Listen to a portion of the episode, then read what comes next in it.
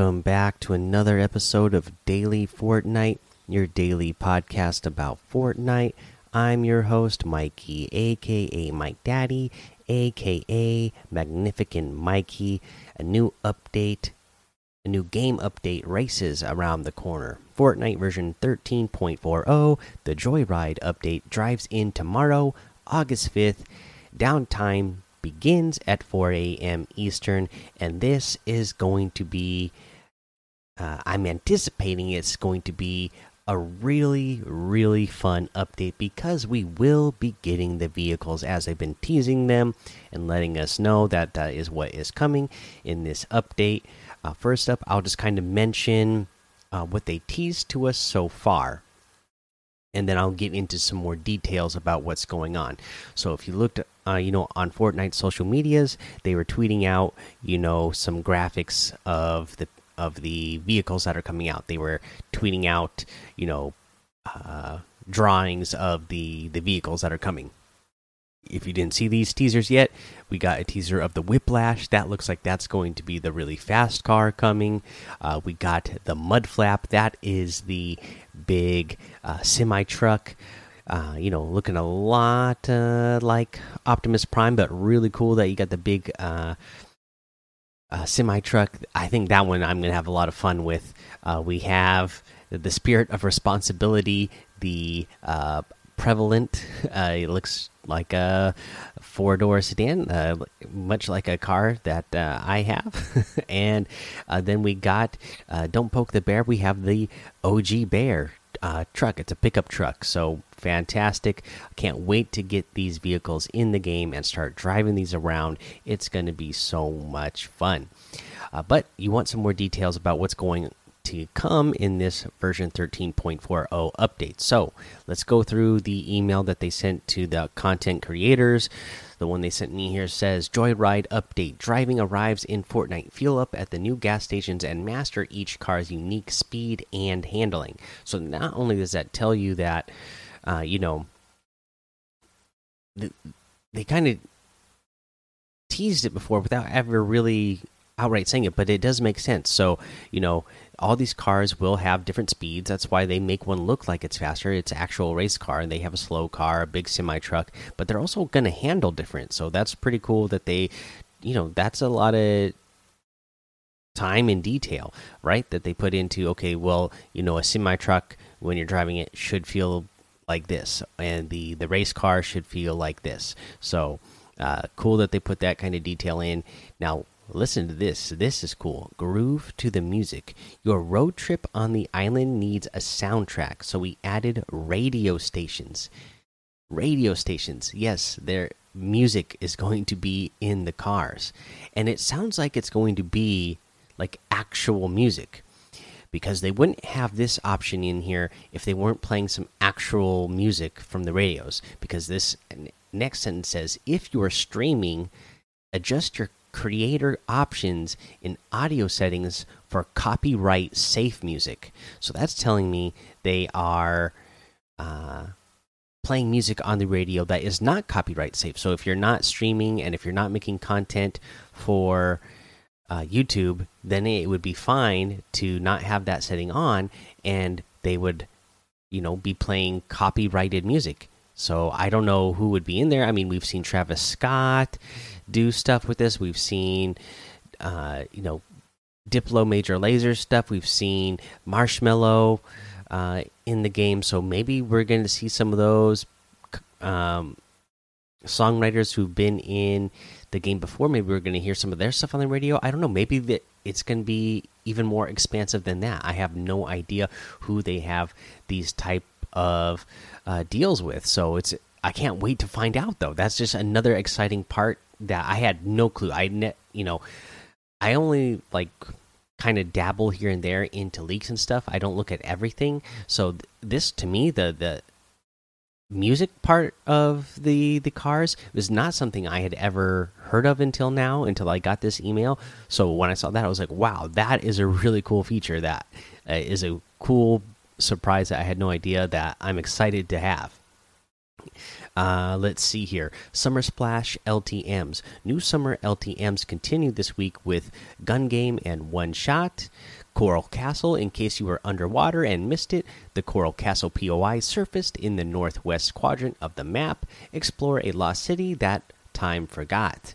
For Party Royale, new entertainment across music, sports, and the deep sea starting Friday we'll have a video premiere event from Japanese artist Kenshi Yon Yonzu at the main stage. Again, I don't know how to say that guy's name. I'm sure uh, all the J-pop fans will come after me, but uh, sorry, I don't know the name.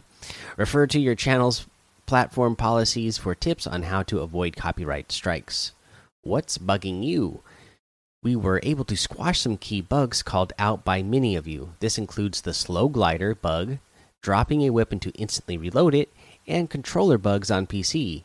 Keep giving us feedback. See you on the road from the Fortnite team. So, some great things there. Um, slow glider bug every time that pops back up into the game is very annoying. Glad they got rid of it. We just talked about that instant reload, uh, you know, uh, exploit that was in the game that I couldn't stand watching in the tournament, but you know, it's something that was in the game and they were allowing to have happen, but they fixed that now, so the game should play like it's supposed to play. You know, especially in these tournaments, we won't see people uh, spamming RPGs and spamming AR shots, uh, you know, forever because they can instantly reload it. Glad that's taken care of in this update once it uh, goes through. And uh, controller bugs on PC. I don't know uh, about that, but pretty cool stuff here in this update. I'm excited for it. I can't wait to wake up in the morning. Hopefully, I wake up early enough to get in a couple of games before I have to go to work, but we'll see. Uh, either way, after I get home from work, I'm gonna be excited to be playing this update tomorrow. Uh, they mentioned some stuff that's coming to Party Royale. They mentioned uh, the uh, what was his name? I'll just say the first name, Kenshi. So they mentioned Kenshi. That's happening on Friday. But another cool thing that is coming is ESPN the Ocho. All right, that is coming to uh, Fortnite as well, and that's going to be starting on August eighth. So what is August eighth? That'll be Saturday, correct? Yes. So Saturday is when ESPN the Ocho is coming. Uh, August 8th at 9 a.m. Eastern. Uh, it says a marathon of the finest in seldom seen sports from spike ball to Tetris to stupid robot fighting. Uh, so, if you guys don't know what the Ocho is, so the so ESPN actually they've actually done this a few times now, but ESPN the Ocho. Uh, for me, growing up, I love the movie Dodgeball, right? So that's where the ESPN the Ocho first showed up. It was just like a spoof on ESPN type of deal, and they were covering the uh, the dodgeball championship that that was that was happening in the dodgeball movie. Uh, they've actually done it on the ESPN channel a few times, and now they're doing it for Fortnite. And it looks like what we're going to see from what I see in reports uh, from what they mentioned here. But we're also going to see the Johnsonville ACL Cornhole Championships, uh, the 2020 Kickoff Battle, the 2019 Death Diving World Championship, the 2019 Stupid Robot Fighting League, the 2019 Spikeball College Championship, 2019 Golden Tee World Championship, and the 2018 Classic Tetris World Championship. So, uh, should be a lot of fun stuff to watch uh, during this. Uh, you know, ESPN 8, the Ocho, that is going to be uh, happening uh, on Saturday. So again, just a lot of fun stuff that Fortnite is doing, and again, obviously, other major brand still wanting to advertise within Fortnite because of the major audience that Fortnite continues uh, to uh, pull in. You know, just tens of millions of people uh, every month. Uh, you know, you know, even like Netflix. So Netflix uh, they they say their biggest competition is Fortnite, just because so many people sign into Fortnite on a daily basis, on a monthly basis, and uh, spend time in Fortnite. Uh, so it looks like you know other brands are, you know, noticing that and really uh, trying to get in here, especially since Fortnite innovated and made this Party Royale section where they can really have a place for brands to advertise. That's, uh, you know, it looks like a lot of brands are taking advantage of it. So it can only mean great things for Fortnite in the future going forward, if as long as they keep making good deals like that. Uh, let's see here. I, that's all I really got for you for news today. And again, no new challenge tips. We already covered all the ones from this past week. So let's go ahead and uh, take a break right here. All right, now we can go ahead and talk about the item shop. That Summer Legend pack is still here. Uh, and then for the rest of the item shop, uh, we have the uh, Peekaboo outfit with the battle uh, balloon back bling for 1,500. The Nite Nite outfit with the balloon llama back bling for 1,500 the pick squeak harvesting tool for 1500 we got the stoneheart outfit with the wings of love backbling for 1500 the cupid's daggers harvesting tool for 800 uh, we got the echo outfit with the true reflection backbling for 1200 the inversion blades harvesting tool for 500 i like those. The echo jet glider for 800 the Echoes wrap for 300. That's a pretty cool wrap as well. Uh, we got the spark plug outfit with the scrappy back bling for 1200. The bionic synapse harvesting tool for 500. I do like this harvesting tool as well. Uh, the double up emote for 500.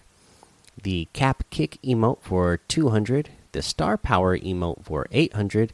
And the swamp stalker outfit for 800. You can get any and all of these items using code MikeDaddy M M M I K E D A D D Y in the item shop, and some of the proceeds will go to help support the show.